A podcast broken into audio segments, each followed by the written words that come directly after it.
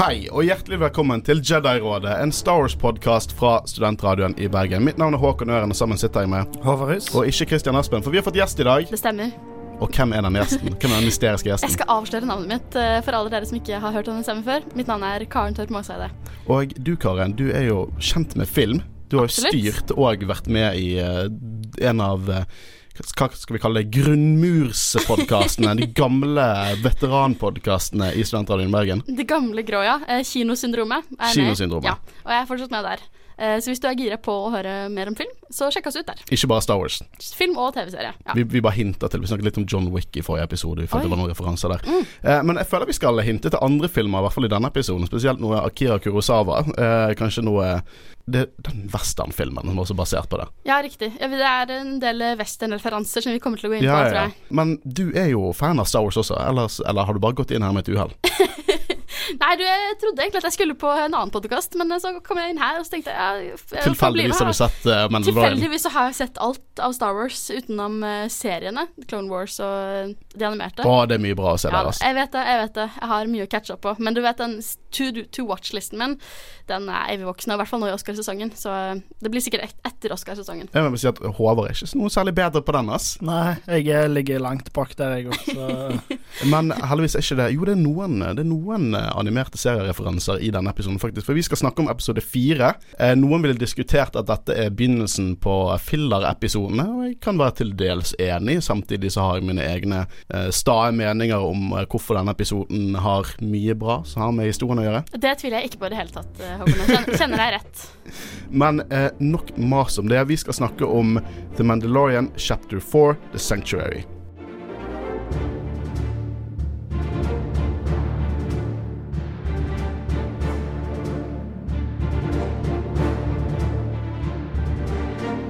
Jeg må bare advare om at dette her er en spoiler-podkast, så hvis du ikke har sett episodene, så må du ja, laste ned en VPN og gjøre noe litt sånn shady ting, og se episoden snarest mulig. Hey kids, og som spoilers.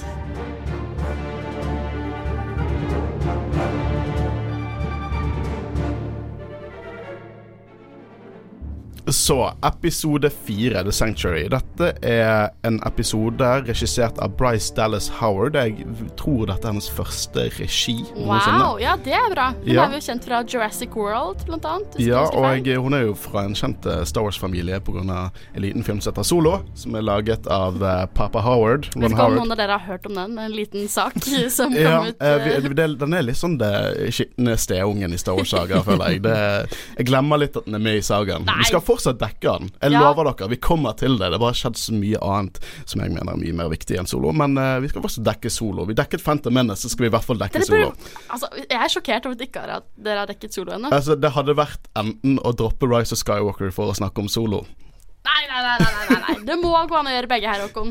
Ja, men vi har en uke til Aner du hvor lang de episoden der vi dekker filmer er? Det, vi må dele de to, for vi snakker i fire timer. Ja, riktig. Dere Ja. har, du klarer ikke å kontrollere, liksom. Stakkars Magnus Apeland som skal være med på soloepisoden. Det blir lange timer i studio. Han får ta med snacks. Ja, det får han. Um, vi begynner i space. Eller gjør vi det? Det gjør vi ikke. Jo, det gjør vi. Nei, det gjør vi ikke. Vi begynner med blå reker. Vi begynner ikke i space dessverre, Håvard. Vi begynner med blå reker. Ja, takk Gud for det. Vi begynner med blå reker, ja. Ja, det er en uh, veldig videre, unik uh, åpning i Star Wars. Uh, første gang det åpnes med blå reker. Kan jeg bare skyte inn, hvorfor er mat i Star Wars-universet liksom alltid blått eller grønt og sånne bisarre farger? Ja, men det er jo space, 70s sci-fi. Har ikke du lyst på blå reker? Blå melk og blå reker? Blå melk. Banthamelk, ja. Eh, det er et poeng. Det er nesten noe vi kunne ta med i eh, bonuspodden vår.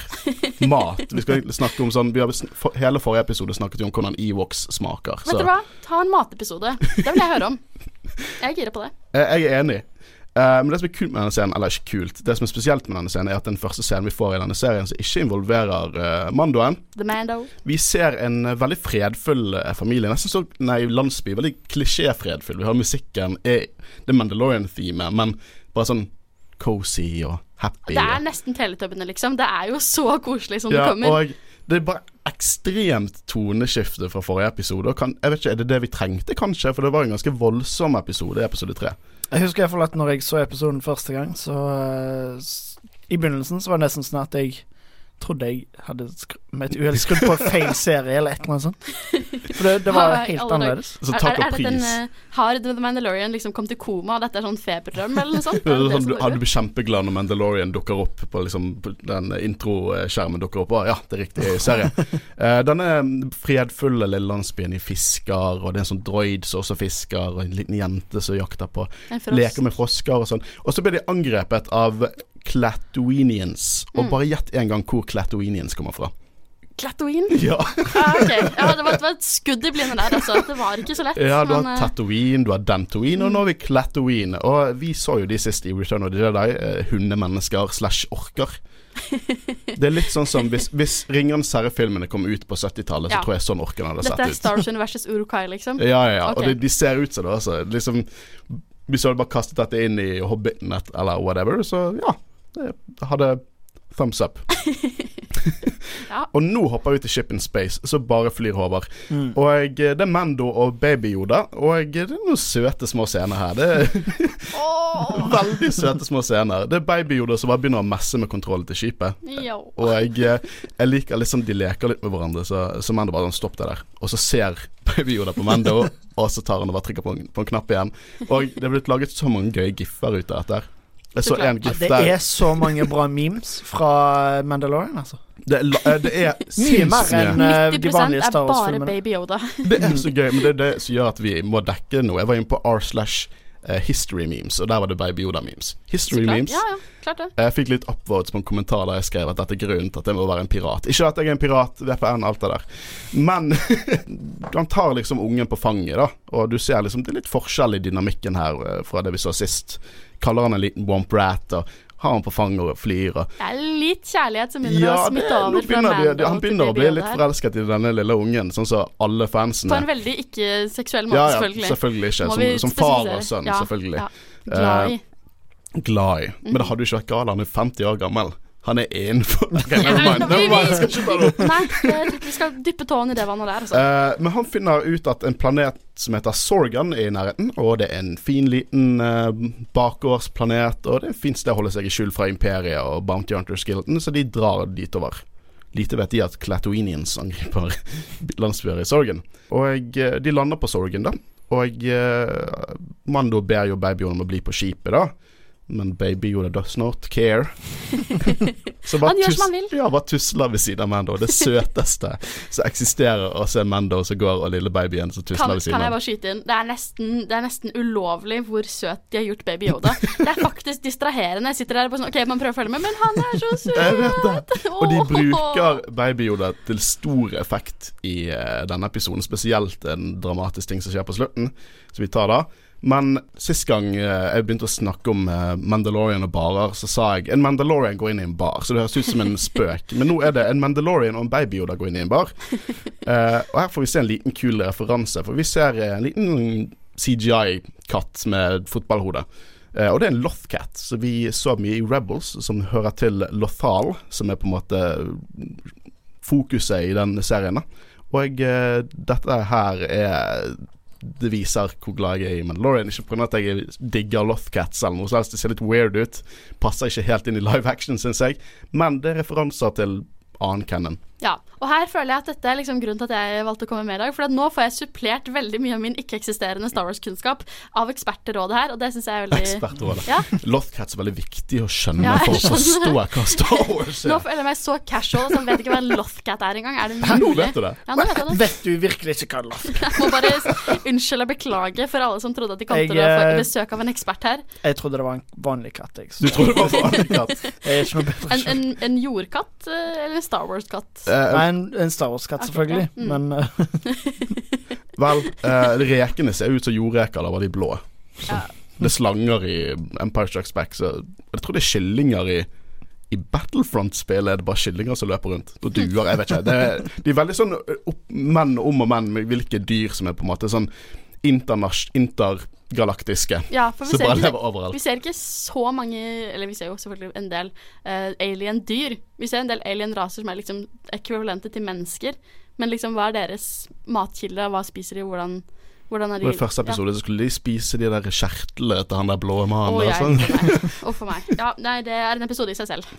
Men Amanda skal bestille litt suppe til barnet, da. Og spør en dame som jobber der, eh, om eh, hun er badass chicken som sitter i hjørnet. Hvem er det? Og jeg liker Her jeg møter liksom toneforskjellene ganske sterkt i fjeset. Fordi at eh, det er et virkemiddel, da. For denne eh, planeten er på en måte go, go lucky, happy og driter i alt som skjer. Det er på en måte hobbithund i Det er hippieplaneten. det er hippieplaneten. og hun er jo bare glad og bare 'Å, dere er besøkende, og hva skal dere ha?' Og han prøver å bestikke henne med informasjon, og hun tror bare 'Å, så hyggelig du er'. Ja, da skal du få en ekstra eh, splotska. Splotchka var det. Ja, så jeg Splotchka. tolker er sprit de lager for rekene, antar Er jeg. dette egentlig Russland? Men det er splotska, ja. Eh, jeg, jeg skrev det ned i notatene mine. Jeg nekter å tro jeg skrev det riktig, men jeg skrev det. Men som vi ser jo sånn der Senere i episoden så ser vi jo sånne blå greier hos uh, Ja, det er derfor jeg Er de det. bootleggers? Ja, det, de, det hvert fall moonshiners, er det det? det men det er jo ikke ulovlig, eller Det må jo være lov. Det, det, liksom Landsbyen lager også Hvis ikke landsbyen også er sinnssykt shady og bootlegger Star Wars-sprit. Men uh, han, han, hun damen går, da, og han følger etter og kaster en mynt til uh, bardamen som skal passe på ungen. Jeg synes han er litt uforsiktig med barnet. Ja, det kan jeg han være helt bare enig i. går med en løst ute, Ja, ja. og Han kan passe på seg selv, hvor fort Right? går den ungen? Han prøver så godt han kan, OK? Nå sprinter han etter bare en tussle Mando, og jeg, eh, ja, jeg syns han er litt uforsiktig med ungen. Men han går nå ut, og så får vi en kamp mellom dette som eh, vi viser er Cara Dune, spilt av Gina eh, Carano. Og vi vis, Hun var jo mye med i markedsføringen, så jeg gleder meg veldig til å se henne. Og, det blir forklart at hun er en eh, ex-rebel shock trooper. Så mye kul historie der. Og fy søren, så bra Star Wars-navn. Det er ikke Cara Dune. Det er nesten Karen. Nesten Karen. Hvis du har vært i Star Wars, så har du vært Cara. Ja, mm, Fullt navn er Cara Cynthia Dune. riktig. Eller eh, side story, side, sidesprang her. Når jeg var i Asia, så ble jeg kalt Kyo Ren. For de klarte ikke å si Karen. Så nesten Kylo Ren. Det var litt morsomt. Når jeg bestiller ting fra Hongkong, så sier de istedenfor Håkon Øren, så er det Konren. Nice. uh, og denne kampen mellom Cara Dune er, er veldig Veldig fin måte å forklare hvor de karakterene står i forhold til action. For de er så å si like flinke. Jeg vil nesten si vil nesten si at hvis ikke det var for Mandalorian-rustningen til The Mandalorian, så hadde Cara Dune uh, tatt han et par ganger. Yes. Og jeg, eh, det avsluttes med at de begge trekker en blaster, og så er det Baby Yoda som står der og drikker suppen sin, og så sier Mando 'want some soup'? Want some soup? Fy søren, den ungen. Eh, Det var en jævlig kul actionscene, men den ungen Ja. Det, det går faen ikke an. Han, han vant. ja. Eh, Ungen vant. De begynner å diskutere litt, da, for de finner ut at de egentlig ikke er der ute etter hverandre. Og eh, jeg liker noen detaljene vi ser på Cara Dune sitt kostyme, eh, og liksom karakterdesign. Eh, Vi ser at hun har en liten opprørertatovering under øyet, som en kul liten detalj. Eh, Det er jo veldig terroristpropaganda, da, syns jeg. Men, en eh, dråpe. en. Men eh, de, hun snakker litt om sin tid som shocktrooper, Hun nevner slaget om Endor, og etter det var ryddet opp, så begynte hun å gikk etter gamle keiserlige krigsherrer. Eh, og etter det ble hun og hennes medsoldater fredsbevarere som bitch, be, bitchet, beskyttet delegater og slo ned opprør, og det er ikke det hun skrev under på. Og vi får igjen vite litt hvordan politikken i galaksen ser ut, da. Det er opprør, det er soldater som er ikke fornøyde. Vi vet at eh, i republikken så har de litt problemer med å opprettholde alt, og at eh, disse planetene på utsiden ikke helt blir prioritert. Og det, det er kul worldbuilding, syns jeg. Hver gang de snakker om hendelser, større hendelser, ting som skjer i kjernen, så blir jeg, da blir jeg happy. Veldig happy. Det er det jeg liker med Star Wars. Jeg føler nesten det er blitt en klisjé at vi sier at ting er en god worldbuilding. Men uh, denne serien og denne episoden òg har veldig mye kult. Verdensutbygging. Annet? Verdensutbygging. Vi trenger mer Vi trenger hjelp fra sånne som deg. Vi bruker altfor mange engelske begreper i denne Ja, jeg podcasten. Ja, denne episoden har veldig mye bra verdensutbygging. Kan man si det? Ja, Og eh, karakterutbygging også, syns jeg. Det, det er mye vi får vite om bakgrunnen til uh, The Mando. Men Cara Dune sier at hun vil, hun, hun vil ikke være med på å være fredsbevarer. Hun ville kick some ass. Så hun banket noen rumper, og så eh, dro hun vekk. Og hun trodde jo Mando hadde en, en fob på henne, en tracking fob på henne, som tilsier at hun er på flukt. Mm. Eh, og hun ber Mando om å finne en ny planet å skjule seg på, som den er taken, og noe som han respekterer. Det er gøy. De ser en felles respekt der. Ja. Og eh, vi får se det at to folk som kommer fra landsbyen som ble angrepet, ber Mando om hjelp. Allerede nå vet vi hva dette handler om. Dette er Seven Samurais, eller To Space Warriors. Eh, inspirert av eh, Kurosawa-filmen med samme navn. Eh, med det navnet. Denne episoden heter ikke Seven Samurais, eh, der sa jeg litt feil. Men den er helt klart inspirert av det. Og det er en veldig sånn Star Wars-trope. eh, Fordi at eh, Josh Lucas er veldig inspirert av Kurosawa på mange måter. Og det er ikke første gang vi har sett Seven Samurai blir adaptert av Star Wars, for det var en episode i Clone Wars som gjorde akkurat det samme, bare dette er live action og en annen planet og andre karakterer. Og jeg, eh, hva synes vi om det? Tja, nei, det er ikke helt feil. Eh, kanskje litt Jeg vet ikke om jeg kan kalle det latskap, fordi at de har allerede gjort det før. De vet at noe funker, så tenker vi ok, vi kan rinse and repeat, bruke dette her igjen. Men det er såpass ikonisk at det er ikke helt feil å bruke det. Er for det er en historie vi har sett tusen ganger, og vi Ja. kommer sikkert til å se tusen ganger til, men Ja. det, det er en veldig ikonisk fortelling. Igjen, det, jeg føler at det understreker liksom det faktum at dette her er en filler-episode. I hvert fall for meg. Uh, den, den gir ikke noe nytt. Den tar ikke med noe, så veldig mye nytt til bordet. Uh, og det er kanskje det jeg savner litt, grann, da. Jeg føler at uh, Jeg her veldig- jeg skjønner det du sier. litt. Grann. Du skjønner hva jeg sier? Jeg skjønner, jeg skjønner veldig godt hva du mener. Jeg trodde dere skulle, skulle krangle med meg her, altså. Nei, jeg skjønner veldig Ja. godt hva du mener. Uh, Jeg mener du tar feil, men jeg skjønner veldig godt hva du mener. Ok, forklar hva du mener da. Eh, la, oss komme til det når, når de For nå kommer jeg bare til å bable. Jeg må ha argumentene mine på plass. Vet du. Ok. Men vi ser disse goofy landsbyboerne. De er litt goofy. Litt goofy. Det virker litt som de er fra en annen, annet show enn uh, The Mandalorian. Men de, de sender på seg Mandalorian-rustning, noe som må bety noe. At han kan gjøre noe for dem. Og de ber han om hjelp. Og han spør ja, hvor mye penger har dere? Alt vi har. Det er ikke nok.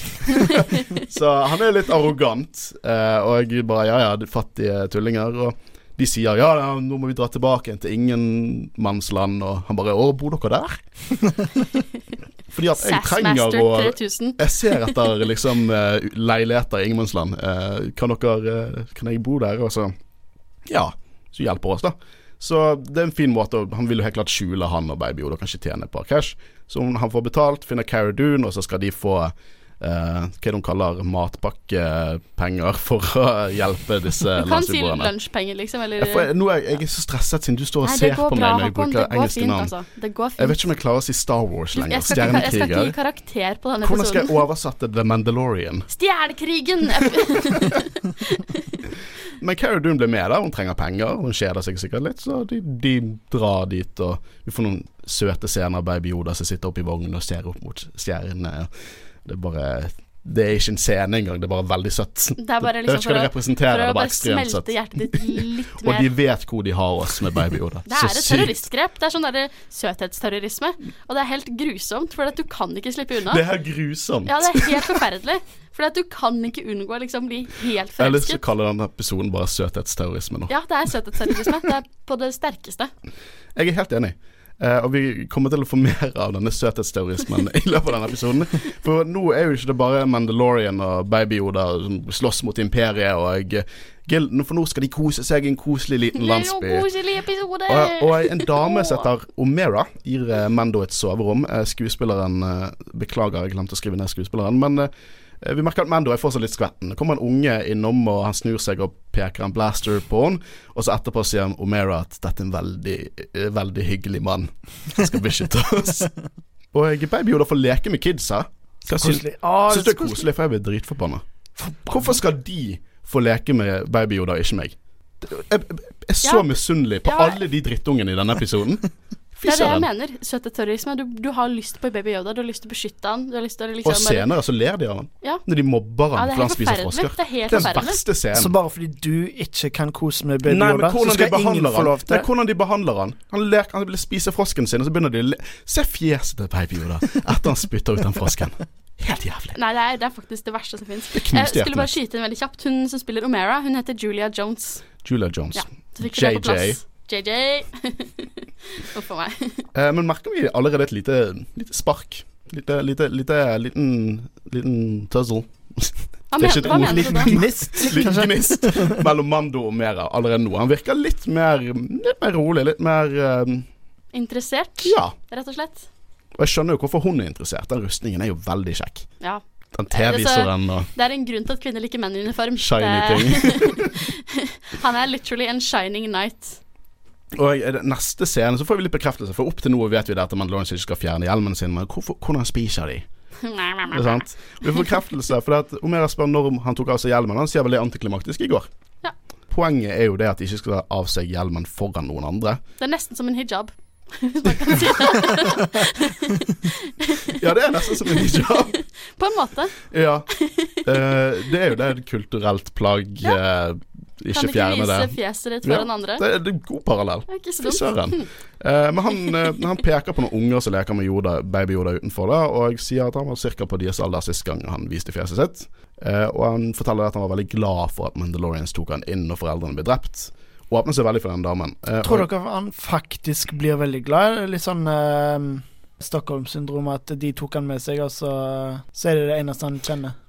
Ja, det er liksom, De ga han trygghet. De ga han eh, muligheten til å leve videre. Jeg, jeg tror ikke han var nødvendigvis redd for det. Liksom, de har jo Å si det Mandalorians gjorde da, det kan du si at det er litt shady. En, de reddet jo han, men også de tar inn en unge som ikke på en måte sikkert utformet sine tanker om livet og hva de vil gjøre. Sant? Så det er jo perfekt måte å hjernevaske og Ja, ja. forme han. Sant? sånn som med eh, Stormtroopers og sånn, at de liksom programmerer det nesten fra en veldig ung alder, sånn at de Mm. er liksom satt Da snakker du selvfølgelig om First Order Stormtroopers. Ja. Unnskyld, det var det jeg mente. Nei, men det var veldig bra detalj i det. Jeg likte, likte det. Eh, Ja, Jeg jeg, glemte hva jeg skulle si. Jo, og- nå husket jeg hva jeg skulle si. Hvorfor gjorde dere det? Det, det har jeg lurt på hele tiden. Hvorfor tok The Mandalorians han inn? Det er uh, Det med foundlings er et konsept som først ble vist i Legends, uh, der når Fett-familien fortsatt var Mandalorian, så var Jango Fett sin foreldre ble drept, og Mandalorians tok han med inn. Og eh, det er vanskelig å si om dette er noe de har Jo, de gjorde jo det. Clone, dette, dette skjedde under Clone Wars. Så Mandalorians har vel hatt en type eh, tankegang om å faktisk redde foreldreløse. For det, Du kan jo tolke at ok, de kunne gjort det nå, for vi ser jo at Mandalorians er langt ifra eh, fra sitt sterkeste på den tiden i galaksen. Men dette var under Clone Wars. Under Clone Wars så var de ganske store. Og ok, jeg har en forklaring. Nå er jeg klar. Men jeg tror ikke jeg kan si den forklaringen, for det er litt spoilers til neste episoder. Oh, OK, du får si det til meg etterpå, da. Si det etterpå. Ja, please. Uh, ok, jeg har noe godt der.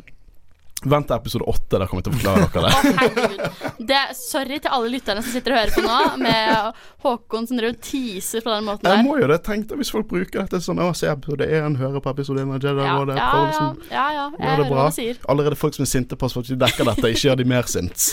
Du leker med ild her, du vet Jeg det. gjør det. Jeg gjør det. Men han åpnet seg veldig for den damen, da og så setter han seg ned for å spise etter hun har gått, selvfølgelig. Tar av seg hjelmen, og så overvåker Yoda og barna. Og det er litt, det er litt uh, Han er litt modig her. De er rett der. Yep. De er type 20 meter unna det vinduet. Er det sånn med en gang en av de snur seg Ja, faen, der gikk Mandalorian-karrieren min. Kanskje han egentlig sånn innerst inne vil bli sett? Jeg tolket det nesten sånn. Jeg så for meg at For du ser jo ikke over liksom, hodet hans sånn. Tenk hvis han bare sånn har et Han har på en måte et, et vindu bare rett foran fjeset. Så vegg rett foran fjeset. Så han bare Han nekter seg sjøl fra å se de, eller var noen slits, et eller annet sånt. ja. Det ser egentlig kjempeteit ut hvis vi ser hele settet der. Men jeg skjønner hva det representerer, liksom. Han overvåker, og det skal ikke bli tatt så bokstavelig at han bør være forsiktig, men uh, han bør være litt forsiktig. De er rett der. Ja. Det neste vi får se, er jo at Cara og Mando driver og undersøker skogen, og de finner så å si ut at en ATST, keiserlig gåer, eller walker som vi kaller det. Du skal få lov til å bruke engelske ord her òg. Det, er- det er greit. I hvert fall en sånn walker har angrepet landsbyen, da. Og jeg, det så vi sist i Rogue One, og i Empire Strikes Back, og i Return of Jedi. Det er et klassisk, klassisk Star Wars-kjøretøy. Eh, og det jeg liker med denne episoden veldig godt, er at det er ikke på en måte De viser dette kjøretøyet sånn som det er. Hvor skummelt det er for vanlige mennesker. Ikke det Luke Skywalker som kan bare hoppe rundt og ta et superangrep og kutte av eh, beina. Du, du, Eller Ewok som tar en eh, planke og ja, det viser hvor skummel en ATST hadde vært i en mer sånn eh, grounded omgivelser. Og det, det, det liker jeg. Jeg liker veldig godt Med realistiske Der har du det. Jeg tar hjelp deg. Det går fint. Got your back. Cara, Man, eh, Cara og Mando jeg, det blir så, jeg gleder meg til vi får en Hvis vi får en name reveal, Mm. og ikke kalle han Mando. Men Kara og Mando de, de går veldig imot dette med walkerne. De liker ikke dette. De sier til landsbyboerne at de må flytte, at en sånn maskin har tatt ut mange kollegaer til Ja. Cara. Det er ikke noe vits å slåss mot disse Nei, soldatene. Cara Det- sier det er ingenting på den Nei. planeten som kan ta ut beina på den uh, tingen der. Uh, og jeg liker igjen veldig godt det, Hvordan vi ser det her i forhold til disse filmene. I animasjonsfilmene så er det, der er det jo ingenting. Det er som at det kan være pappkjøretøy. Basert på de, så faller de. Eh, så jeg liker veldig godt hva de viser her, for i Cannon er jo det et formidabelt fiende. Ja. det, det liker jeg at de viser her. Uh, og de konkluderer jo nå med at de rett og slett skal trene opp folkene til å slåss mot piratene. Så det blir enda en montasje. Ja. De, de er glad i montasjer i denne serien. Altså. Mm. Uh, montasje av Mando og Kara som bare trener folk. Uh, Omera, Tropy, hun er den eneste personen i landsbyen som kan skyte. Eh, og de fikk, de fikk litt kritikk for dette. Hvorfor kan hun skyte? Det er kan noen i Star Wars universet Wars-universet Hvorfor kan noen i Star Wars-universet skyte som vi ikke har sett før? Det er akkurat som Hver gang vi ser uh, noe i canon, så må vi vite fra dagen de er født, må få en journal dagen de er født, hvilke skoler de gikk på, hvordan de trente. Hun kan skyte fordi hun kan skyte. Hun er en leiesoldat. Ja, for all det, all det en gammel leiesoldat som har blitt plassert der, og så bor hun i landsbyen. Det, selvfølgelig kan hun skyte. Men Cara og de skal jo lære opp Cara Mando skal lære opp landsbyboerne, og eh, Omera begynner å vise at hun kan skyte best av alle sammen. Og hun bruker en eh, Relby V10. Og en Relby V10 Blaster er noe som eh, dusørjegeren Bosk brukte, eller hadde med seg i Empire Strikes Back. Vi fikk jo se den blasteren i tidligere episoder også, men nå får vi se den litt mer close up. Og jeg føler det er en fin liten referanse til eh, Bosk, dusørjegeren, som i Robot Chicken var eneste som var hyggelig nok til å ta av seg skoene når han skulle besøke Vader. Det er veldig, veldig respektfullt. Ja, det syns jeg. Eh, og det var en fin liten referanse, syns jeg. Planen til Mando og Kara er at de skal dra ut piratene og få den ATS-en til å falle ned i en felle, for de kan ikke ta ut beina, så de måtte falle ned i dammen i en felle. Det er så å si planen deres. Uh, så neste er jo at Mando og Kara drar ut i skogen. Det er overskriften på notatene mine. Uh, vi ser basen ser ut Ser vi at Klatonien strikker sånn blå drink, så det er jo Igjen? Ja. Hvorfor? Splosjka, rekesprit. Produserer det, vet du. Må kose seg, de òg. Den, den er sånn selvlysende. selv radioaktivt ut. Mm, det ser ut som noe man finner i Fallout. Det, det ser ut som noe du får når du, i sånn godteridisken når du er fire år. Det som ser rart ut, det er det du vil ha. Som du sprayer på Ja, ja. tungen og sånn. Mm, sånn jævlig sticky. Yes. Og så smaker det sånn supersyntetisk blått bringebær. Ah, Det, det, er det smaker blått. Ja, det smaker blått. Liksom E-stoffet. Fargen og alt de bruker. Eh, men de dreper og sniker i perfekt symbiose, så å si. Uh, jeg liker dynamikken deres både i dialog og i action. Det er veldig sånn buddy cup eh, 80-talls Det var eh, akkurat det jeg skulle til å si. Cara og Mando er liksom et radio, De er buddy cops. Jeg vet For de begynner som sånn der 'Hvem er du? Hvem er du?' Og så begynner de å slåss. Og så bare 'Skal vi være bestevenner?' Ja. Og så blir vi det. Å, jeg vil de skal være bestevenner. Jeg digger de to. Bare, hver gang de begge er på skjermen. Jeg, liker også veldig godt Gina Carano som, eh, som Cara. Jeg har vært litt uh, usikker på henne, for hun er en veldig sånn actionskuespiller, og det viser hun helt klart at hun er i denne serien også. Men hun pleier ikke å være mm, på toppen når det gjelder dialog og sånn. Og jeg syns hun gjorde en helt grei jobb her. Jeg, synes helt, jeg tenkte aldri over dette skuespill. Eh, hun gjorde en god jobb her, syns jeg, i forhold til hvordan hun er i Deadpool. Ja. Og- Step up. ja, det er godt. Hun, klarer seg. Eh, men de driver sniker og dreper, og så vekker de av en ATST med røde øyne. En forbanna dinosaur reiser seg opp i skogen og jakter på de Jurassic Park-style. Ja, for den tenkte jeg litt på. Sånn, er det noen folk som sitter inni den, eller er det bare en maskin med Altså, de blå de der, Unnskyld, blå, hallo, rød. Vinduene, er det øynene til maskinen, eller hva er Det er fordi greia? at eh, det er jo egentlig bare helt Det, det er jo bare hull inni maskinen Ja. der eh, sjåføren skal se ut, og vi vet at sjåføren sitter sånn at de kan se ut. Det er ikke sånn at de må løfte seg opp for, for å se ut. Og i uh, Return of the Jedi så så vi at det var folk som satt der inne.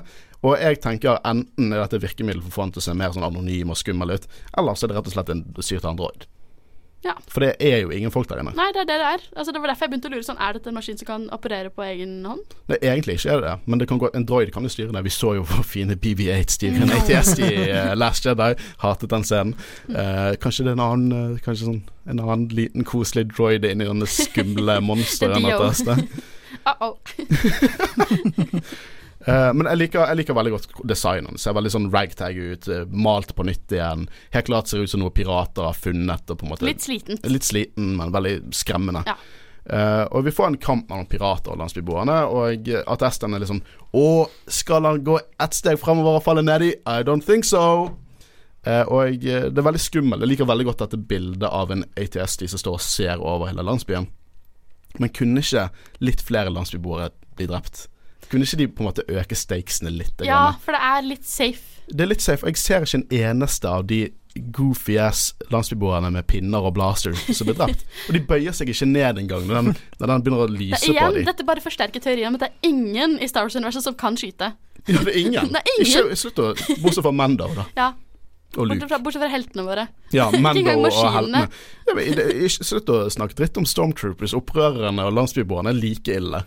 Ja, men stormtrooperne, de har jo gått på skole, og Hvor lenge var det de øvde på å skyte de landsbyboerne? Det, Det. vi, vet ikke. vi vet jo ikke. Senere i episoden får vi en stor time jump, men jeg nekter å tro at de har nok trening til å kunne egentlig stå imot den hæren. Men det er jo Det har ikke gått mange år, i hvert fall. Fordi de ser like gamle ut.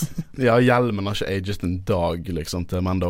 Eh, men det er kampen, da, og de prøver å få ut at det er noe long story short. Eh, Kara hopper fram med den pulse rifle til Mando, skyter på den og Get into the trap, you hunky-junk, alt det der. Og til slutt så faller han ned, og de klarer å drepe mange pirater, og de løper vekk, og seieren er der. Og det er en kul liten kamp. Vi får se veldig forhold bli bygget mellom Mando og Kara. Igjen ikke et seksuelt forhold nødvendigvis, men et vennskap, ja. Eh, Et liksom bestevenner. Ja. Og de samarbeider perfekt. I'll cover you, hele pakken. You got this, come on. Veldig kult. Eh, og de vinner dagen på grunn av dette her, da. Eh, jeg bare liker forholdet deres veldig godt. Og etter seieren så får vi vite det at eh, det har gått et par uker. Din eh, Mando nevner jo at de, de raced some hair a couple of weeks ago. Vi ser at uh, unger som leker med baby Yoda, og nå begynner de å mobbe han for frosken. Det tror jeg er veldig traumatisk når man er i så ung alder som 50 år. Ja. And the ripe young age of 20, nei, 50 years old. Ja, Eh, 50 years young. Og nå får vi litt mer, eh, får litt mer eh, forklaring på dette med hjelmen og det å ta den av. Da. Så hun spør hva kommer de å drepe deg hvis du, ikke, hvis du tar av den hjelmen. Så sier Mando at dersom han tar den av, kan han aldri ta den på igjen. Og eh, det gir oss litt mer innsikt i det. Jeg setter pris på de øyeblikkene. Ja, det stilles litt sånn spørsmål sånn han hm, Hvor ille er det egentlig? Hvis han tar av seg hjelmen og bare slår seg ned? Ja, for det er det, det de leker med, da. For Ja. hun eh, Cara begynner å si hvorfor slår du deg ikke ned med den fine enken og bare drikker splosjka? Hvor- Hvorfor ikke bare gjøre deg Skatte resten av dagen din, liksom. Ja. Du kan ikke være på Baby Yoda der. det er en fredelig, god da. deal, egentlig. Ja. Og jeg uh, lurer på om han vurderer det. Mm. Han- det er i hvert fall noe som på en måte holder han der. Um, men Mando sier det at han har en plan om å etterlate babyen der på Sorgan med disse nye folkene. Og at han er trygg, han har gjort jobben sin, og det er ikke noe liv for et barn å være med. Uh, En dusør jeger ute i ja, sant. Men faen så arrogant, da. Han er eldre enn han. Han var sikkert, sju, han var sikkert sånn hva, 15 når Mando ble født. Ja. Så arrogant. Uh, men vi får se noe nytt. En tracking fob i skogen. Hva er dette her? Og hvordan i helvete Hvordan fungerer tracking fobs? Kan, du bare Det Er er det- det jeg også lurer på, for jeg har, spørsmål, jeg har en del spørsmål som jeg tenkte å stille etter hvert. Men hvordan, hvorfor kan folk bare vite hvor de er? jeg, jeg vet ikke. Hvorfor, vi snakket om hvorfor brukte ikke bare Vader en tracking fob på Luke? Hvor- Hvorfor brukte ikke Jabba en tracking fob på hans Solo? Er det dette er bare et nytt konsept? liksom, Det er magic. Som, uh... Ja, for det, det, det, det er så sykt klart en udefinert ting som bare eksisterer for å dytte plottet ja, men det er også noe som jeg føler at vi må nesten få svar på i løpet av eh, serien. Ja, for, ok, La oss si, se på bevisene på alt vi har av argumenter og hvordan det kan fungere. Altså, de begynner å snakke om Shane codes i eh, tidligere episoder. Så jeg antar det er nesten som sånn personnummer. For de fire siste tallene, det var alderen. Men de hadde ikke Shane coden til eh, babyen. De hadde fire siste tallene, så det kan ikke være Shane code som styrer det. I så fall. Kan hende at de bare ikke ville gi vekk Det kan hende, for de hadde en tracking for på den. Det kan, det kan hende. Så det, kan være chain codes, da. Men vil det si at hvis noen bare har en chain code, så bare er en tracking fob koblet til de organisk? Har alle en chip inni seg som inneholder en chain Er code? dette sånn syk konspirasjonsteori om at eh, staten kontrollerer deg fra du er født, Ja, ja. liksom? Og så hvis det er Bare eksistensen av tracking fobs antar at Mando vet hvordan tracking fobs fungerer. Han har jo jobbet Big med. Brother. det. så Hvorfor tror han han kan gjemme seg på Sorgan, da? Selvfølgelig nei. vil de finne han. Da vil han jo aldri være trygg noensinne. Og det ville vært dust av han å liksom ikke tenke så langt. Ja, Det eneste måten det virker som, er jo faktisk å gå til kilden. Men jeg tror ikke Mandalorian er så dum. Ja, det virker litt dum av og til. Ja, ja, ja. Men det er liksom målløse blikket sitt Han er arrogant, og riktig, men, men jeg tror ikke at han er Nei. Dust, liksom. Uh, men jeg bare syns synd på storygroupen som må finne en canon-forklaring til hva tracking for Ja, de har har så mange spørsmål. de har gravd seg litt ned, altså. De det har det. de. Eh, men jeg må bare anerkjenne at det er, uh, det er en plot device for å dytte fram plottet, og jeg, jeg vil ha en forklaring. Gi Ja. meg en forklaring. Ja. Men foreløpig så skal jeg bare bare puste dypt ut, og så bare Det går fint. det går. Aksepter det. Akkurat nå går det fint, men jeg skal faen meg ha et svar på det. Ja, det er jo tross alt veldig mange som ser etter The Child. Ja. Og det Så- kan jo være liksom at alle leter overalt, sånn at det er en som har funnet de der. Det kan jo være en tilfeldighet. Muligens. Trolig ikke. Men Jeg tror det må være en fobben, altså. Det må Ja, være fobben. ja. Uh, men det er i hvert fall en dusørjeger i, i skogen. Sikt, begynner å sikte. Det er en uh, kubaz, som vi så spilte fløyte i episode 1. Eller skal jeg bare skyte en, en teori her? Kanskje det er noen som har liksom Noen av disse landsbyboerne som har sviktet uh, Mando for penger, liksom. For som de har sagt tidligere, de er fattige. Og hvis noen kommer med et tilbud, liksom sånn Hvis noen vet noen ting eller hvis de har funnet, ut, hvis de har funnet ut at The Child er sykt verdifull, eller Mando er sykt verdifull, at dessøren er sykt høy, så kan det være at de har inngått en deal med noen. At det er en sånn double crossing her. Jeg håper Ja. de gjør tonen litt mer mørkere, for de er altfor koselige. De dør ikke, de Da dreper er det jo pirater en med gang mye mer pinner. spenning. Ja, sant. Men siden de viser tracking-formen, så antar jeg at den, det er den. Ja, Det er derfor ja. jeg, trenger en forklaring på hva det er. da, Hva er ja det? Nå bare leker jeg Jeg får bare mer og mer spørsmål gjennom helt, jo langt denne serien går. Hva er tracking fob? Eh, men før vi får se noe klimaks med denne bounty hunteren som sikter på dem, så er jo det Omara og eh, Mando som driver og snakker, og, hun er sånn Er ikke du lykkelig her? Vil ikke du være her? Bli med meg. Bli med meg. Bli. Begynner å ta hendene på hjelmen og rolig ta det vekk. Ja. Og han tar vekk hendene hans rolig og sier at han ikke hører hjemme der. Det er ikke Og eh, han vil at ungen skal være der, og Men det, det virker klart som at han, dette han ønsker. Han har lyst, da. Han har lyst til dette. Ja. Han kjenner liksom det draget. Og Tror du at det, dette her er på en måte endgamen for Mando. Da. Det, er dette han, eh, han har ambisjoner om å eh, være i slutten av livet sitt. Jeg tror de fleste har det. Om en trygghet. Og liksom ha starte Ikke nødvendigvis familie, men at du finner noen som du kan være trygg med og leve lykkelig med. Jeg føler Mandalorians Det er er jo liksom- veldig på en måte det derre Å, ingen Mandalorians dør gammel. Du skal ikke dø i sengen din, du skal dø med en blaster i hånden og en babyhoda på ryggen. Det er Ja. liksom Det er sånn derre For å dra litt historie her. En veldig spartansk tenkegang Ja, tankegang. veldig spartansk. Mm. Vi har brukt en parallell. Ja, eh, dere har det? ja da. Oi, oi, Vi skal faktisk ha en eh, bonuspod eh, sammen med uh, Fortiden demrer. Der skal vi finne finne flere paralleller Ja, mellom Star Wars Hvis og dere trenger mer historieeksperter, så kan jeg bidra der også. Ja, du, du kan historie, du. Flekse litt der, altså. For du studerer jo selvfølgelig. Ja, det stemmer. Eh, hvis ikke du hvis skjønte det. Ja, jeg Nå- studerer nå vet historie. Og jeg skriver om Sparta, så det Jeg bare nevner det. Jeg bare, bare slenger det inn der. Her er den skumleste scenen opp til nå. Eh, fordi at eh, vi ser at denne dusørgeren sikter på babyhodet, og vi hører et skudd. Ikke lek sånn med oss, for jeg vet at det ikke skjer. Men samtidig, da når jeg ser episoden, så er det sånn Tenk om de gjorde det, da. Ja, Uforskammet. jeg var kjemperedd, fordi de kunne gjort det om til å blitt en sånn en eh, hevnserie.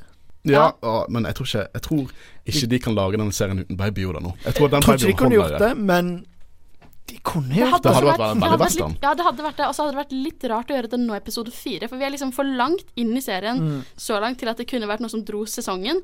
Men vi er også for kort inne til at det kan være noe som drar neste sesong videre. Så midt inne i liksom sesongen er et veldig dårlig sted å Mm. begynne med sånt på. For da er det Vi har knyttet for mye relasjoner. Og samtidig så har vi ikke nok tid igjen til å få en ordentlig hevnhistorie. For det var det som gikk gjennom hodet mitt. Men det, det var sånn, det er det som var i hodet mitt, men hjertet mitt sa nei! Nei! Men heldigvis så var ikke det baby-Yoda som ble skutt, det var denne Cubas bounty hunteren som ble skutt av Kara. Thank Eh, you, Cara. Ja, og hun er badass. Elsker Kara. Elsker, hun, hun er så awesome. Eh, og det var jo, jo veldig western. Sånn, du hører et skudd, og så er det andre som dør. Og Mando kommer inn der og ser Ja, vi kan ikke bli her lenger. Ødelegger tracking for band, og de drar vekk. Og her får vi eh, liksom når de driver og, og tar alle tingene sine opp på den vognen, og så kommer Kara og finner ut hun skal gå sin egen vei, og de bare Å, til neste gang, og så tar de en sånn skikkelig Arnold Schwarzenegger, uh, Carl Weathers uh, handshake. Å, det er så awesome. De har så god dynamikk. Jeg digger det. Det er skikkelig bra. Uh, og vi kommer jo kanskje til å se mer av hun senere. Mm -hmm. Vi får håpe. Uh, de drar videre, og uh, baby Oda sier ha det til alle, og ungene lei seg. Alle er lei seg. Alle er lei seg. Men vi ser håpefullt for eh, noen litt mørkere episoder, kanskje, videre. Fordi at det var episode fire, The Sanctuary. Og hva synes vi om episode fire? Ja, du kan få lov til å begynne. Ja, jeg eh, liker den. Eh, det er en relativt rolig episode. Det er jo selvfølgelig litt action, men fungerer på en måte litt som episode to. At det er en liten pustetappe og egentlig bare karakterbygging og verdensbygging og, og litt sånn. Det er ikke den sterkeste episoden i sesongen, men eh, det er absolutt ikke den verste heller. Jeg er veldig enig, egentlig. Jeg føler at denne episoden det den gjør, er å introdusere Cara, eh, som vi sannsynligvis muligens får møte igjen. Jeg føler at hun er ja, hun har for gode relasjoner til at vi bare kan kaste henne ut. Det ville vært waste of character, for å bruke litt engelsk uttrykk. Og det var noe av frykten min eh, i begynnelsen. Når det, var, kom, det kom ofte kule karakterer inn, og så bare gikk de ut Ja. Back, Og det ble jeg litt redd for. ja, men jeg er også veldig enig i at dette føles ut som en filler. Helt klart. Dette er for rolig. Dette er liksom Du skjønner ikke helt hvordan denne episoden plasseres i forhold til liksom det endelige plottet som skal gå igjennom hele sesongen. Det er en liten pust i bakken, rett og slett. Han, eh, du drikker litt splotska, spiser noen blå reker og Flørter med en enke. Ja, du vet. Lener deg tilbake. Uh, jeg, eh, jeg, jeg ser veldig godt hva dere mener. For det, det, du får plutselig denne litt mer rolige og kan jeg si familievennlige episoden. Absolutt. Mye mer koseligere. Kanskje det var det vi trengte etter episode tre. Hvem vet. Det er ikke min favorittepisode. Absolutt ikke min favorittepisode. Men jeg syns ikke det er filler. Fordi at i denne episoden Igjen, det passer veldig godt til hva vi har sett i episode tre. Han er på the run. Han prøver å finne ut hvor han skal sette liksom, beina i bakken. Og vi får ekstremt mye karakterutvikling. Ikke bare mellom han og karakterer som eventuelt vil komme tilbake igjen i serien, men han som eh, Mandalorian, han som menneske, hva han på en måte vil med livet sitt. Og litt mer om Mandalorian-kultur. Og hvis jeg vet noe mer om karakteren etter jeg har sett en episode, så noe mer utdypende om karakteren etter jeg har sett en episode, så er ikke det en filler i min bok. Men jeg skjønner, det er ikke min favorittepisode. Absolutt ikke. For, det, for min del så er det akkurat det som er en filler. Du bruker tiden på å utvide verden og utvide karakterene eh, og bli bedre kjent med folk, rett og slett. For det er jo det fillerens hovedoppgave er. Er å liksom gå litt dypere inn, ikke bare rushe gjennom selve plottet. Det er spenning og hast hele veien. Så jeg sier ikke at det at en filler nødvendigvis er en dårlig ting. Eh, det kan absolutt fungere veldig bra totalt sett for å liksom øke verdien av hele serien. Eh, men ja. Så det, det er nødvendig av og til, hvis du har lyst til å liksom utvide universet og utvide karakterutviklingen og gå mer grundig inn på det. Så jeg sier ikke at det at det er en filler er en dårlig ting, egentlig, eh, men man burde ikke ha for mye av det, da. Ja, det er sant. Eh, jeg bare Da er vi egentlig bare enig i alt annet enn vår definisjon av filler. Ja, men jeg er ikke ikke så mye mer å, å si på det. Men jeg, jeg er veldig enig egentlig med det bordet sier. Eh, jeg synes Rådet er enig. Rådet er Og gjesten. Uh, du, du er ærerådsmedlem. Ah, okay, da, ok, thank you. Jeg syns at Bryce Dallas Howard gjorde en veldig flott jobb. Ja. Uh, som hans første, første regijobb i Star Wars. Det, noe som helst. Jeg tror ikke hun har gjort det noe særlig Jeg tror hun bare har lagd sånne dokumentarer og Ja. litt sånn Jeg syns, jeg syns hun gjorde en fortreffelig jobb. Yep. Uh, litt, litt problem med noe av skuespillere til sidekarakterene, spesielt når de folkene i restauranten i begynnelsen og noen av de landsbyboerne. Litt toneforskjeller fra tidligere episoder. Denne, denne serien er veldig av Kanskje mer enn veldig mange, mange andre serier, så det er veldig klart at hver episode har en annen regissør. Ja. Det kommer ganske det, Stilen er forskjellig. Ja. Ja. Og Det det, er kjenner man jo på forteller, forteller Det er sånn jeg, jeg kan på en måte sette pris på det. da Ja. Men mer om det når vi kommer til neste episode, for det er den episoden jeg liker minst. Oi, oi, oi. Ja, ja, og Karen, du skal jo være med på den også, du. Selvfølgelig. Ja. Jeg ikke kvitt meg helt ennå. Filler-Karen. Ekspert-filler. Kristian sa faktisk at, vi, at han skulle være med på de siste. Han ville ikke ha disse episodene, men han skulle være med på de siste. Nei, det er klart. Ja ja, men jeg skal gjøre mitt beste. Ja, jeg gleder oss til det. Den kommer ut neste uke. Men eh, vi har vært Jedi-rådet. Mitt navn er Håkon Øren, og sammen har jeg sittet med. Håvaris. Og Karin Tørk på Måsøyde. Og vi snakkes neste uke. Ha det bra. Ha det bra.